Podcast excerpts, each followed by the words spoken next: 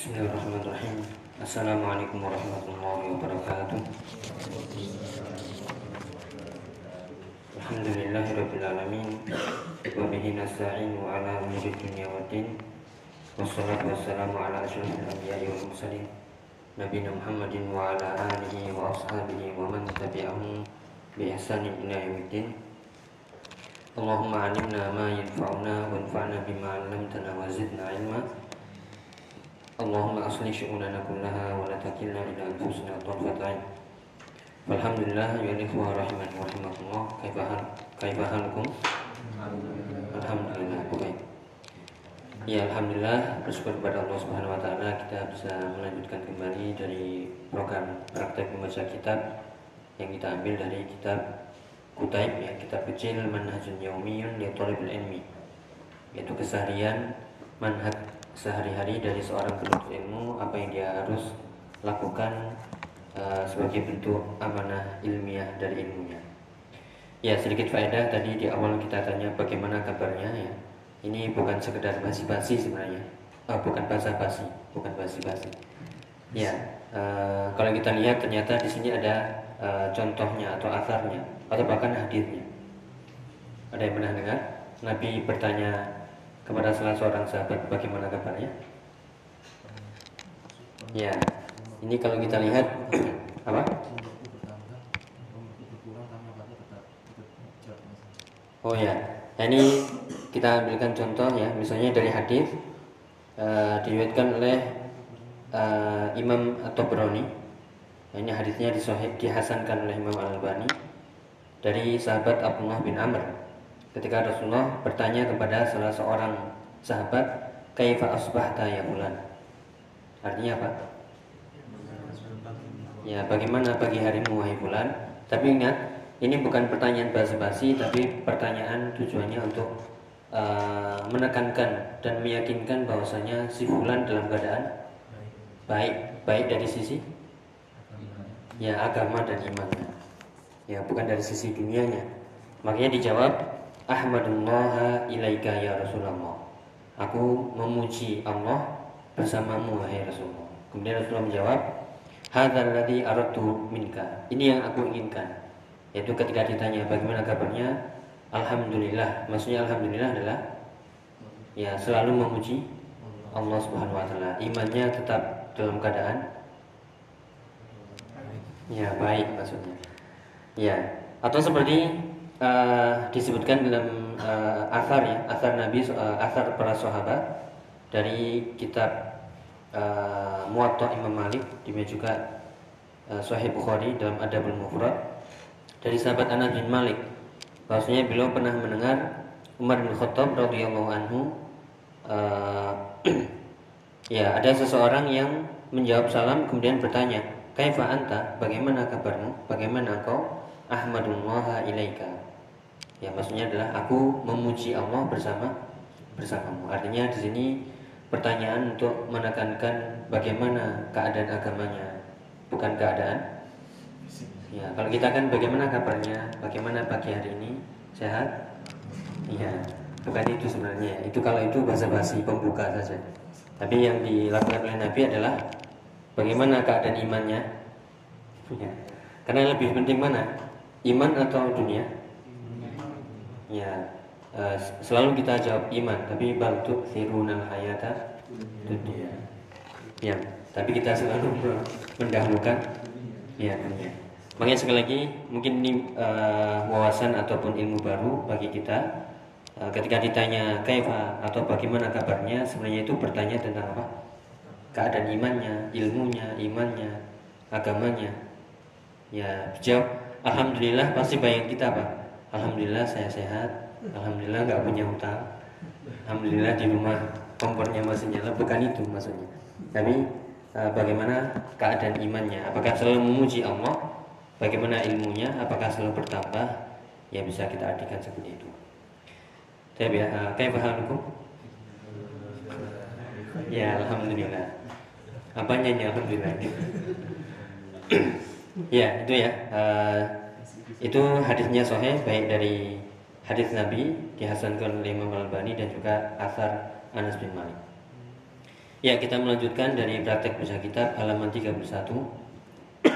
Ya, di poin Al-Amr Salif kemarin sudah kita baca setelah kita mengetahui uh, dalam keseharian penuntut ilmu selain memenuhi hati dengan atau pertama ya tafakur selalu merenung akan ciptaan Allah kemudian yang kedua adalah memenuhi hati dengan cinta dan yang ketiga adalah memenuhi hati dengan ya ta'zim Ya, dari sinilah nanti akan diketahui apa atau kenapa penuntut ilmu itu harus memenuhi dengan rasa cinta dan taklim kepada Allah, pengagungan kepada Allah Subhanahu wa taala. Ya, ingat ya ini meskipun khusus untuk penuntut ilmu tapi juga umum untuk seluruh kaum, kaum muslimin. Lebih-lebihnya penuntut ilmu karena sedang belajar. Karena dia butuh sekali namanya istiqomah. Yaitu ketika menuntut ilmu pasti naik turun. Ya orang yang tidak belajar saja ya itu bisa ya bisa menyimpang jauh, bisa lepas kendali. Ya, sehingga uh, penuntut ilmu harus lebih ditekankan yaitu amalan hatinya berupa cinta kepada Allah dan taklim. Apa efeknya nanti akan dijelaskan. Ya sudah kita baca uh, terhenti di halaman 31 dari perkataan beliau At-ta'zim yu'inuka 'ala an-nazar fil ayati dalah 'ala 'azamatillah. Dengan perasaan ta'zim, apa tadi ta'zim? mengagungkan Allah seagung-agungnya. Ini maksudnya adalah membesarkan Allah. Sebagaimana kita mengatakan Allahu Akbar, berarti ya Allah Maha besar, tidak ada yang lebih besar dari Allah Subhanahu wa taala. Semuanya kecil, tidak ada apa-apanya. Berarti di situ mengandung kamal qudratihi. Sudah kita artikan kemarin, kamal artinya? Ya kesempurnaan kudroh, kekuasaan Allah. Wa kamalu quwwati dan kesempurnaan kekuatannya. Wa azimu batshihi wa intiqami dan betapa dahsyatnya besarnya agungnya balasan Allah dan ya balas sama itu untuk menekankan perbuatan Allah dan balasannya. Karena Allah memiliki sifat membalas dari perbuatan hambanya wa makaru wa makarullah. Ya wallahu khairul makirin. Inna batsya rabbika lasyadid. Ya wasyadidu iqabihi dan begitu pedihnya kerasnya ikobi apa ikob ya ini sudah kita pelajari kemarin dari sisi nahwu ya. Semua itu susunan apa? Ya idhofah. Yang bagian depan namanya mudhof yang bagian belakang namanya mudhof ilaih. Mana yang selalu kasroh ya yang di belakang. Ya silakan dilanjutkan. Fahadhil umuru silakan. Nih fahadhil umuru. Ta'ammalaha. Uh, pakai kas uh, fathah ya. Ta'ammalaha. Uh, al abdu al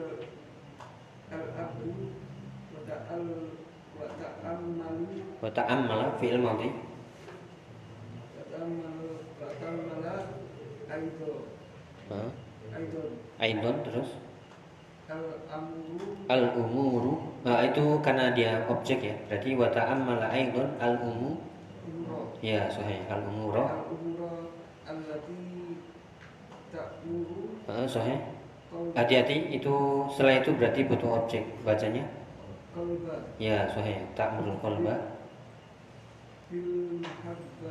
sahih ya. Yusbihu yusbihu indahu tawazun. Tawazun tawazun. Baina roja'u. Baina rojai. Baina rojai. Wal khawfi. Wal khawfi. Wal khawfi. War war rohbati war rohbati war rohbati war rohbati ya Kemudian ini akan dijelaskan uh, keterkaitan atau hubungan antara taklim wal mahabbah. Ya, fahadil umuru hadhihi artinya. Ya, tapi kalau di situ kan setelahnya alif lam ya. Artinya bukan ini perkara tapi perkara-perkara ini. Contohnya ya, hadza kitabun artinya? Kitab ini. Ya, hadza kitabun ini adalah kitab. Tapi kalau hadzal kitabu? Kitab ini. Kenapa? Setelahnya ada alif? Alif lam. Ya, hada hadal hada baitun. Ini? Ini adalah rumah. Hadal baitu kabirun rumah ini besar. Ya jadi uh, ininya atau itunya diletakkan di belakangnya. Berarti hadil umur umur jamak dari amrun amrun artinya perkara-perkara ini. Maksudnya tadi ta'zim wal mahabbah yang harus ditanamkan di hati seorang penuntut ilmu. Idza ta'ammalaha itu ada fi'il madhi ya. Ta'ammala ya ta'ammalu. Ta'ammala artinya ya merenungi mencermati. Jika al-abdu ini sebagai apa ya fa'il. Ini harus latihan terus ya. Uh, idza ta'ammalaha al-abdu jika seorang hamba merenunginya ya. Kemudian wa ta'ammala aidon dan ta'ammala aidon artinya juga ya merenungi apa juga ini. Ta'ammala sudah ada fi'il madhi berarti fa'ilnya mana? Iya, dhamir mustatir. Apa dhamirnya? Wa kembali ke ya al-abdu. Ini harus latihan terus ya. Wa ta'ammal jadi bacanya wa ta'ammala aidan al-umura. Ini objek perkara-perkara allati ta'murul qalba.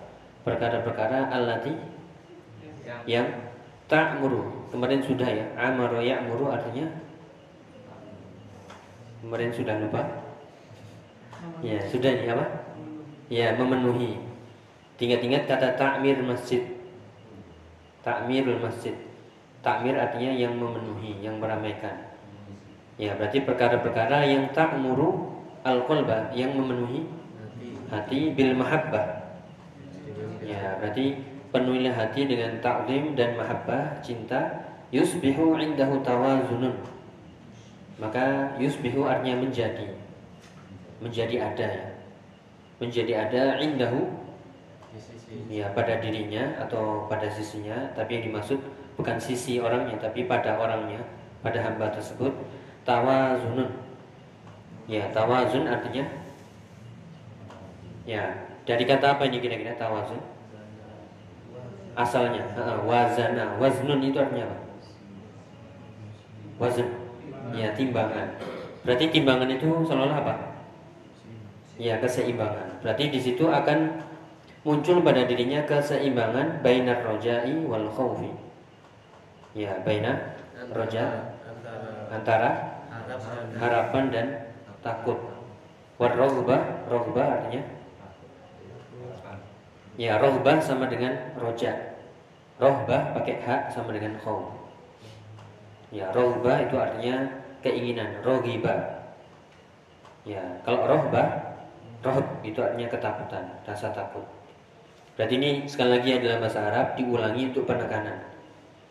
Ya, jadi dengan memenuhi hati dengan takdim dan mahabbah akan tumbuh di hatinya itu keseimbangan ya bisa memilih sebagaimana rojak dan bagaimana khauf, bagaimana takut dan harapan. Ya, sehingga ini jadi pertanyaan. Kalau misalnya uh, kita sudah tahu rukun ibadah ada berapa? Rukun ya, bukan syarat ibadah. Rukun ibadah ada? Itu syarat ibadah, syarat diterimanya ibadah. Rukun ibadah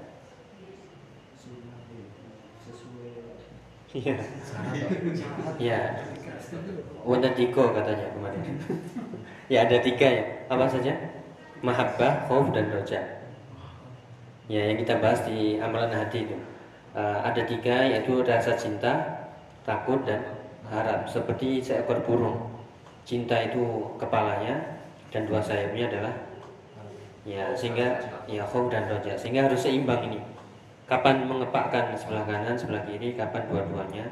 Nah, ini caranya bagaimana? Caranya adalah seimbangkan juga ta'zim dan mahabbah. Jadi pertanyaan gimana cara menumbuhkan rasa cinta dan harap, rasa takut? Ya, caranya adalah pelajari tentang ta'zim dan mahabbah. Ya, tak ta'lim itu pengagungan. Kita lihat ya di sini ayatnya, silakan dibaca. Nabi ya qaulullah ta'ala. A'udzu billahi rajim. Nabi ibadi anni ghafurur rahim wa anna alim. Ya. Ya, dibaca satu. Yang pertama mahabbata mahabbatan lillahi ta'muru biha qalbika Ah, itu objek. Ta'muru biha ta'muru biha. Qalbaka ya. Taswi tasukuka tasukuka ila. ta'atihi wa Ah, itu ada wanya. Kembali ke to'ah berarti sama bacanya. Wa wa fi'la Ah, ada ini. Ah, wa wa fi'li. fi'li mardatihi Ya. Ayatnya Nabi ibadi anni anal ghafurur rahim. Nabi artinya apa? An-naba. Surat An-naba.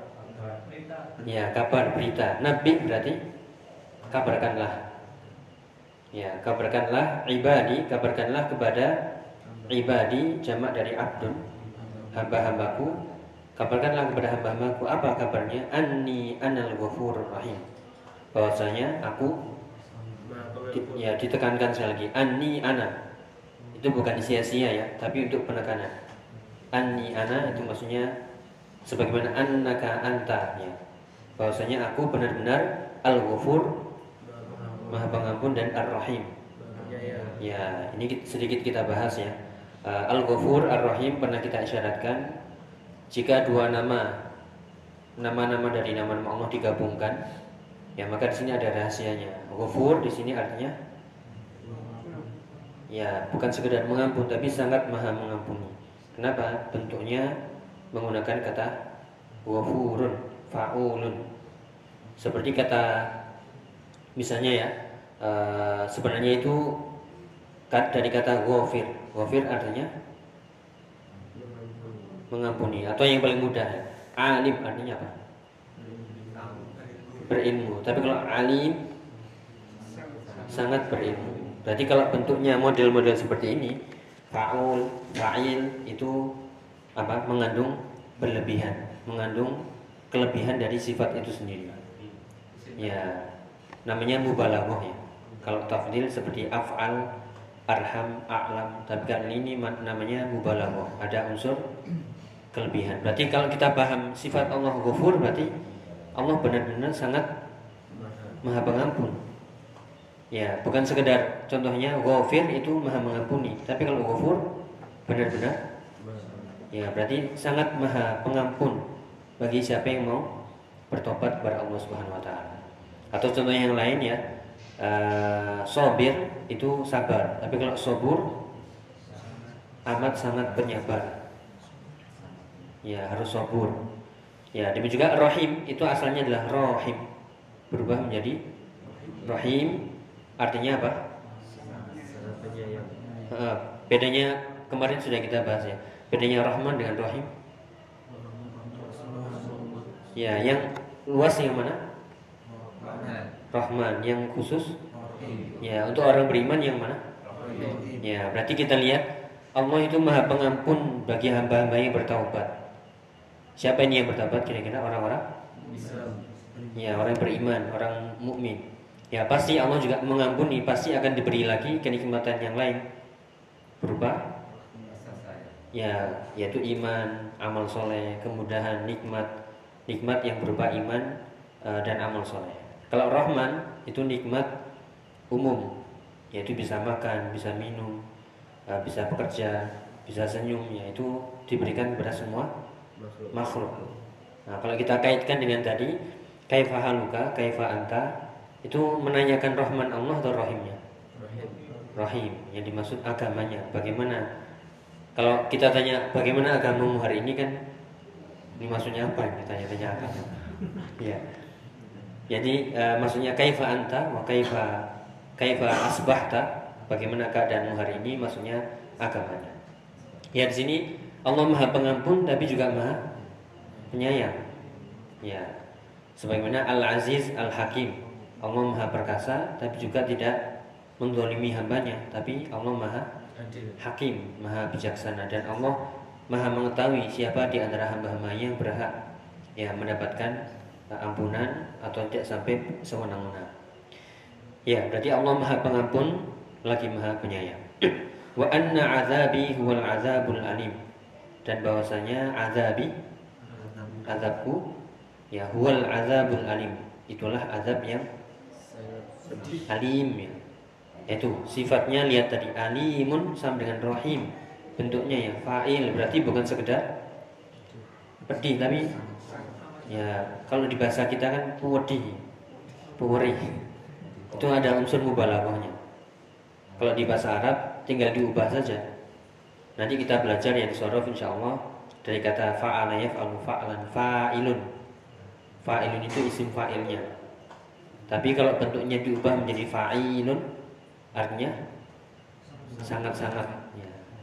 alim berilmu. Tapi kalau alim ya semangat berilmu ya kalau di bahasa Arab nggak ada sesuai-sesuai gitu ya.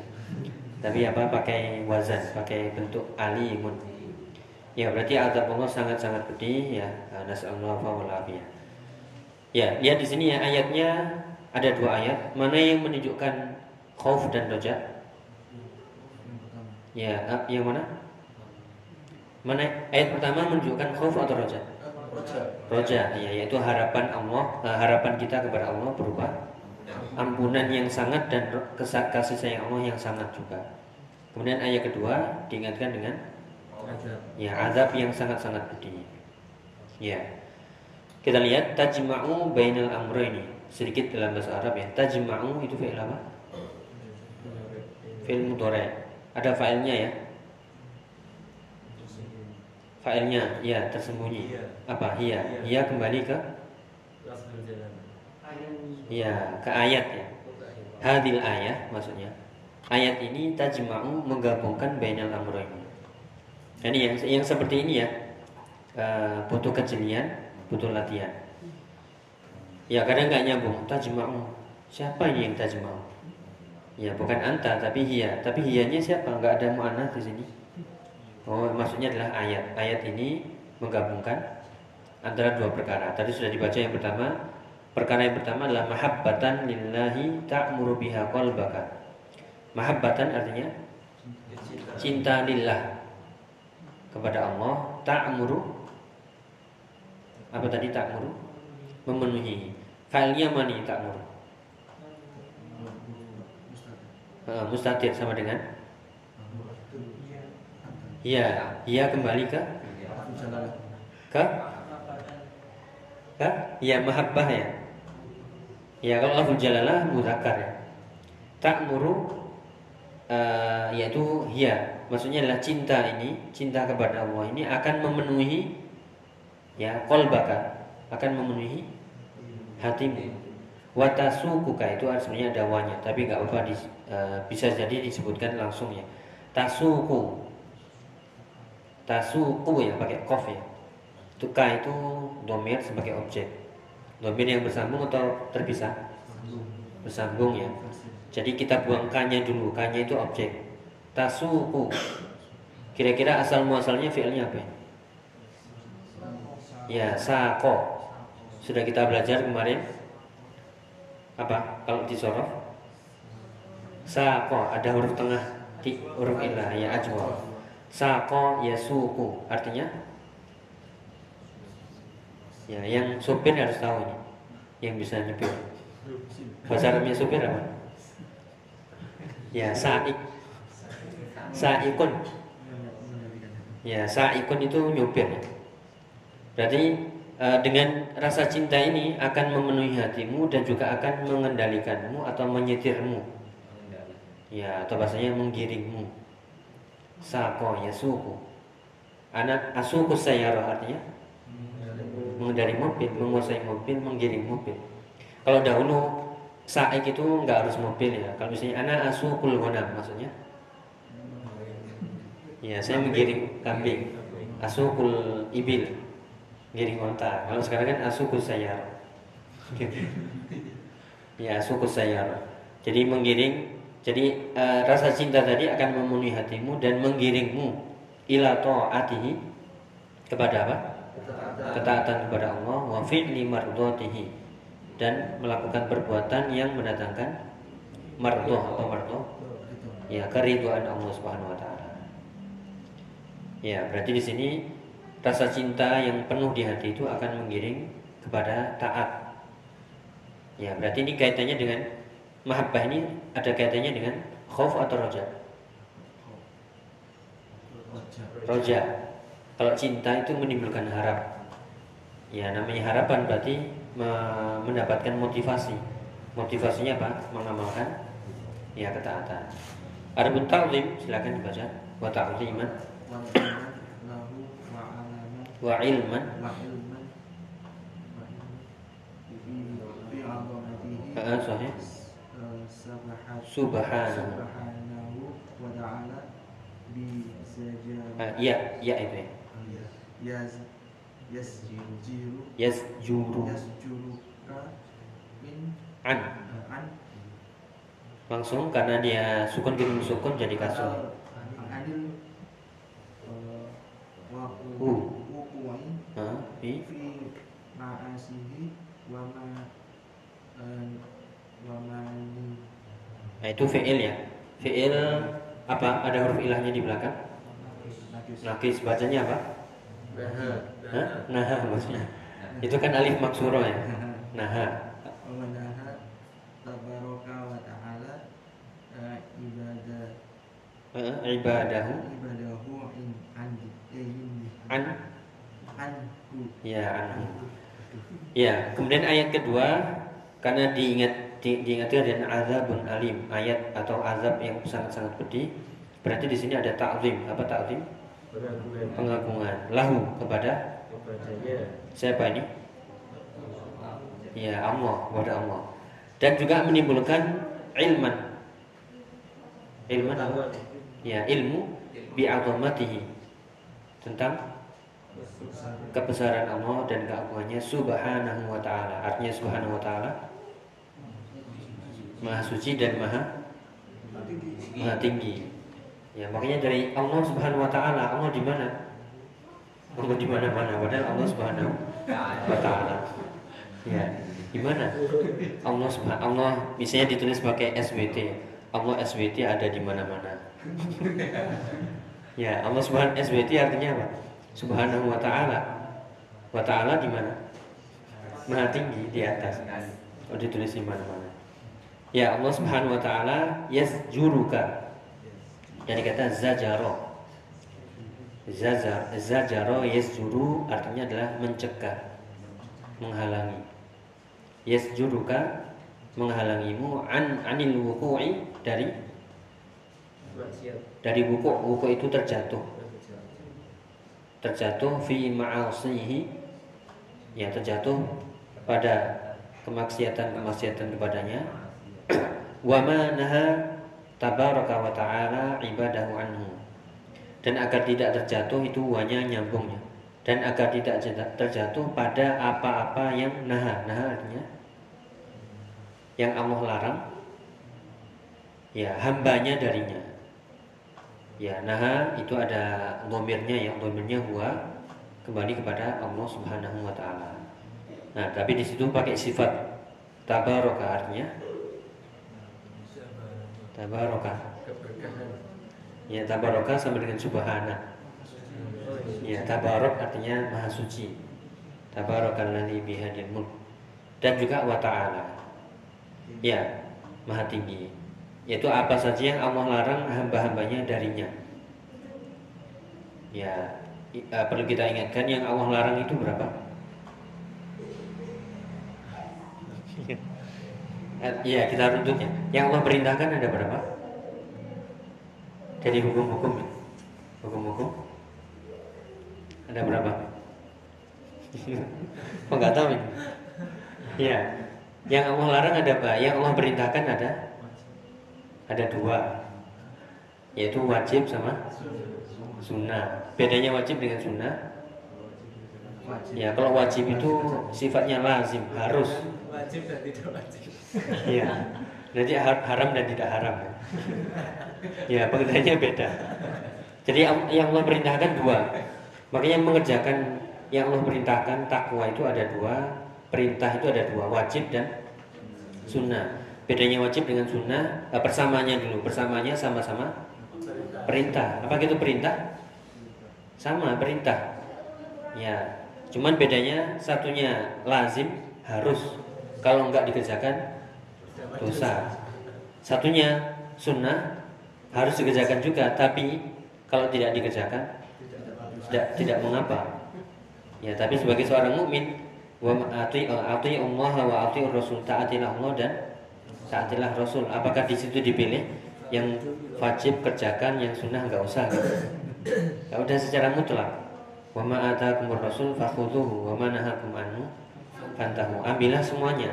Jadi sunnah itu tidak dikerjakan kalau misalnya kita apa? Sedang udur ya, sedang sakit. Bukan sedang M ya. Kalau kalau wanita boleh sedang M, enggak enggak ngerjakan. Kita nggak ada M-nya. Nah kan lelah letihnya itu harus di atas ya sunnah. Ya. jadi jadi apa? Uh, yang wajib kerjakan semuanya karena itu syarat menjadi waliullah. Syarat menjadi waliullah adalah yaitu mendekatkan diri kepada Allah dengan amalan wajib. Kemudian ditambah lagi dengan dengan amalan sunnah. Bahasanya nafilah sampai Allah mencintai ya itu ya berarti eh, nggak uh, pilih-pilih kalau orang beriman itu nggak pilih-pilih pokoknya semuanya dikerjakan ya adapun yang sunnah tadi ya mungkin karena ada udur ada kepentingan ada yang bisa ditinggalkan. Ya tapi tetap. Ya kemudian yang dilarang berarti juga ada dua apa? Ya haram dan makruh. Bersamanya sama-sama? Dilarang. Kalau yang haram lazim sifatnya harus. Kalau sampai mengerjakan? Dosa, tapi kalau makruh? Benci.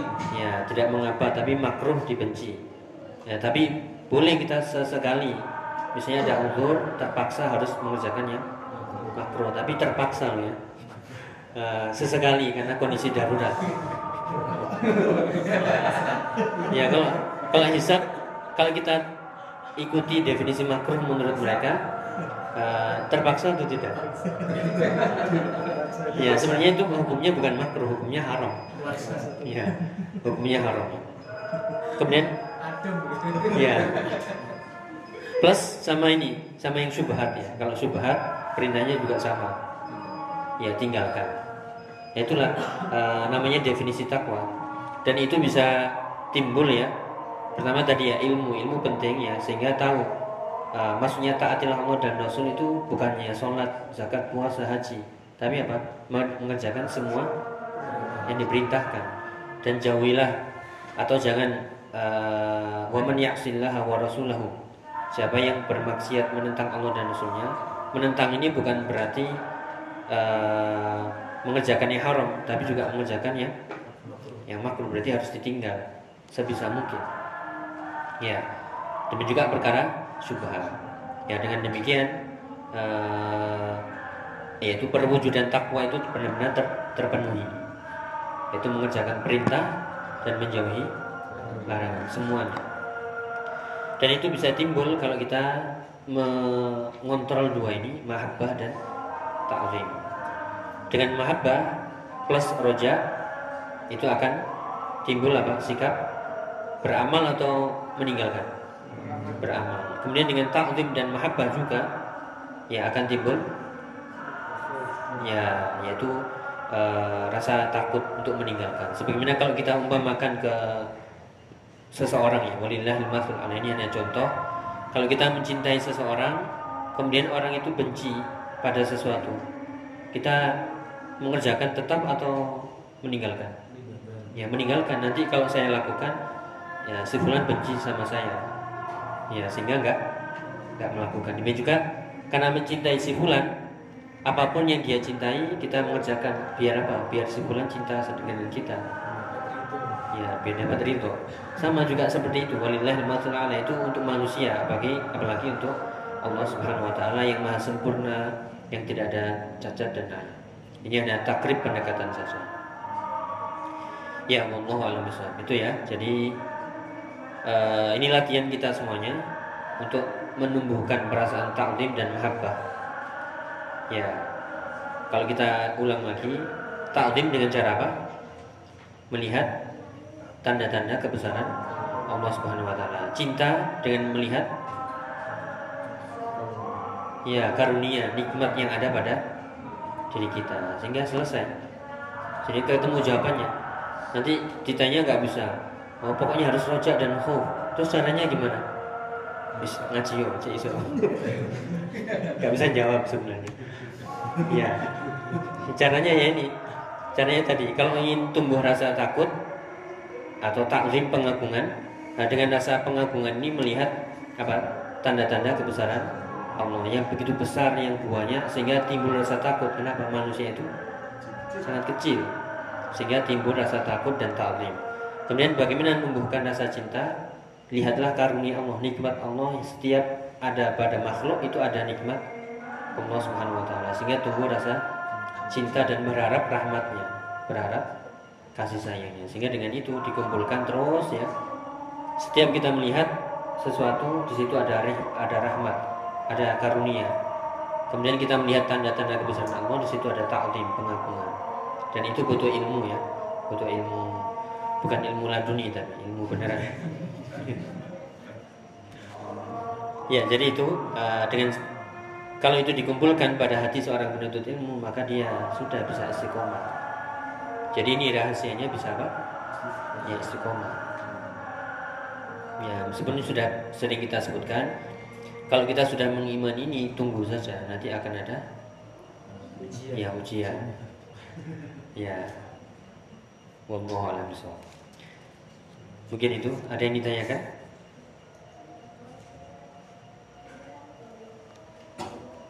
Ya semoga dimudahkan untuk mengontrol ya mahabbah dan taklim sehingga membuahkan hasil berupa keistiqomah Allahumma amin. Tapi kita cukupkan dulu. Nanti kita lanjutkan Bismillah. Uh, mungkin beberapa menit sedikit dari lanjutannya. Subhanakallahumma bihamdika asyhadu an la ilaha illa anta astaghfiruka wa atubu ilaik. Wassalamualaikum